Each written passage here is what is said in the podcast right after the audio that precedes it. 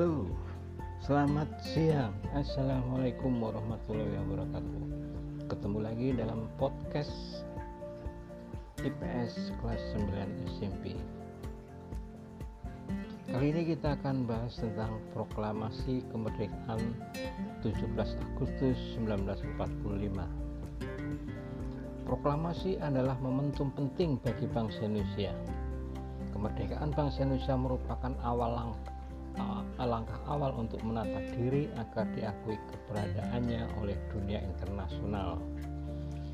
Sejak pagi tanggal 17 Agustus 1945, persiapan upacara pembacaan proklamasi kemerdekaan dilakukan di Jalan Pegangsaan Timur nomor 56. Halaman rumah Soekarno sudah dipadati oleh masa menjelang pembacaan teks proklamasi. Dr. Muwardi memerintahkan kepada Latif Hendraningrat untuk menjaga keamanan pelaksanaan upacara. Latif dalam melaksanakan pengamanan dibantu oleh Arif bin Abdurrahman untuk mengantisipasi gangguan tentara Jepang. Tepat pukul 10 waktu Indonesia bagian Barat, upacara kemerdekaan kemerdekaan Indonesia dimulai. Setelah pidato dan pembacaan proklamasi selesai, kemudian dilakukan pengibaran bendera merah putih oleh Latif Hendraningrat dan S. Subut. Rakyat yang hadir serempak menyanyikan lagu kebangsaan Indonesia Raya. Upacara proklamasi ditutup oleh sambutan Wali Kota Jakarta, Suwiryo dan Dr. Muwardi. Peristiwa yang sangat bersejarah tersebut berlangsung secara sederhana dan hanya memakan waktu kurang dari satu jam. Meskipun demikian, peristiwa tersebut membawa pengaruh yang luar biasa hebatnya bagi bangsa Indonesia. Proklamasi kemerdekaan ini merupakan tonggak berdirinya negara Republik Indonesia yang berdaulat.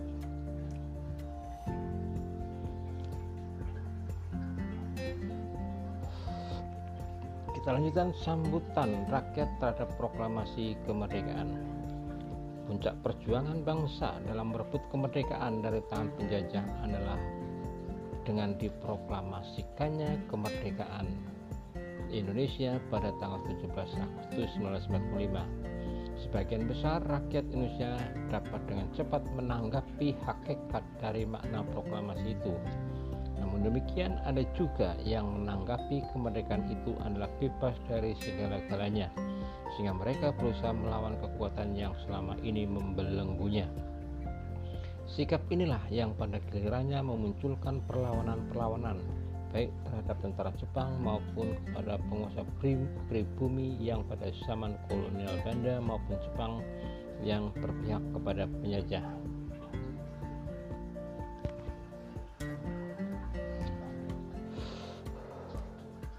Rapat raksasa di lapangan Ikanda. Rakyat Indonesia, baik di pusat maupun di daerah, pada umumnya melakukan aksi-aksi yang mendukung diproklamasikannya kemerdekaan Indonesia. Para pemuda yang dipelopori oleh Komite Van Aksi Menteng 31 menghendaki agar para pemimpin perjuangan kemerdekaan mau bertemu dengan rakyat dan berbicara di hadapan mereka mengenai kemerdekaan Indonesia sebagai puncak perjuangan Indonesia, perjuangan bangsa. Rencana ini dilaksanakan dengan dua cara, yaitu persiapan pengerahan massa dan menyampaikan rencana itu kepada Presiden. Presiden Soekarno dan Wakil Presiden Muhammad Hatta yang terpilih secara aklamasi oleh PPKI menyetujui rencana tersebut. Demikian juga dengan para menteri yang telah dilantik. Masalahnya yang, yang menjadi perhatian adalah sikap tentara Jepang dengan rencana tersebut. Presiden harus mempertimbangkan rencana tersebut dengan matang agar tidak terjadi bentrokan dengan massa. Presiden memutuskan untuk mengadakan sidang kabinet di kediaman Presiden. Sidang kabinet diselenggarakan pada tanggal 9 September 1945 dan berlangsung sampai tengah malam sehingga sidang ditunda sampai pukul 10 pagi keesokan harinya. Pada pagi harinya sidang dilanjutkan lagi di lapangan Benteng Barat Banteng Barat dan dihadiri oleh para pemimpin pemuda atau para pemimpin badan perjuangan. Para pemimpin pemuda menghendaki agar pertemuan antara pemimpin bangsa dengan rakyatnya tidak dibatalkan. Akhirnya dengan pertimbangan per, berbagai pertimbangan rakyat rapat menyetujui rencana itu. Presiden dan Wakil Presiden serta para menteri kemudian menuju lapangan Ikada. Ternyata lapangan Ikada telah dipenuhi oleh massa yang lengkap dengan senjata tajam.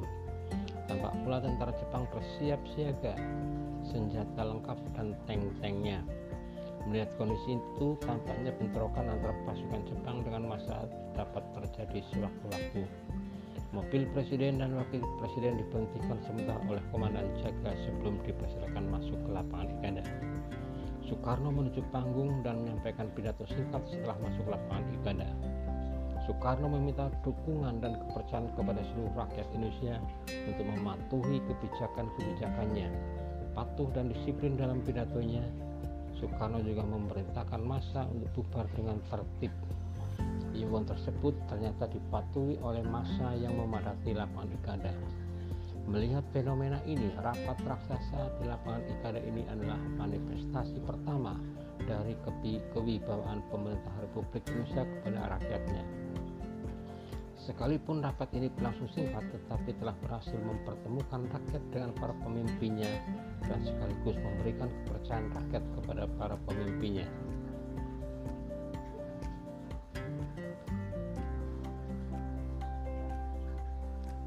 Tanggapan di berbagai daerah terhadap proklamasi Berita proklamasi segera menyebar ke berbagai daerah di Indonesia Pekik kemerdekaan mewarnai salam masyarakat Indonesia di setiap gang, pasar, lembaga pendidikan, dan berbagai tempat umum lainnya. Rasa syukur atas kemerdekaan dilakukan dengan berbagai cara. Doa syukur berkumandang di tempat-tempat ibadah sesuai dengan agama dan kepercayaannya. Rasa syukur terhadap kemerdekaan bukan hanya diucapkan dengan lisan, tetapi juga dibuktikan dengan perbuatan. Semangat kemerdekaan telah membakar keberanian rakyat Indonesia di berbagai daerah.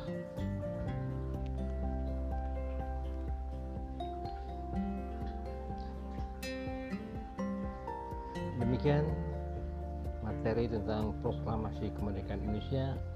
Kita lanjutkan terbentuknya negara kesatuan Republik Indonesia di podcast berikutnya. Terima kasih, selamat siang, wassalamualaikum warahmatullahi wabarakatuh.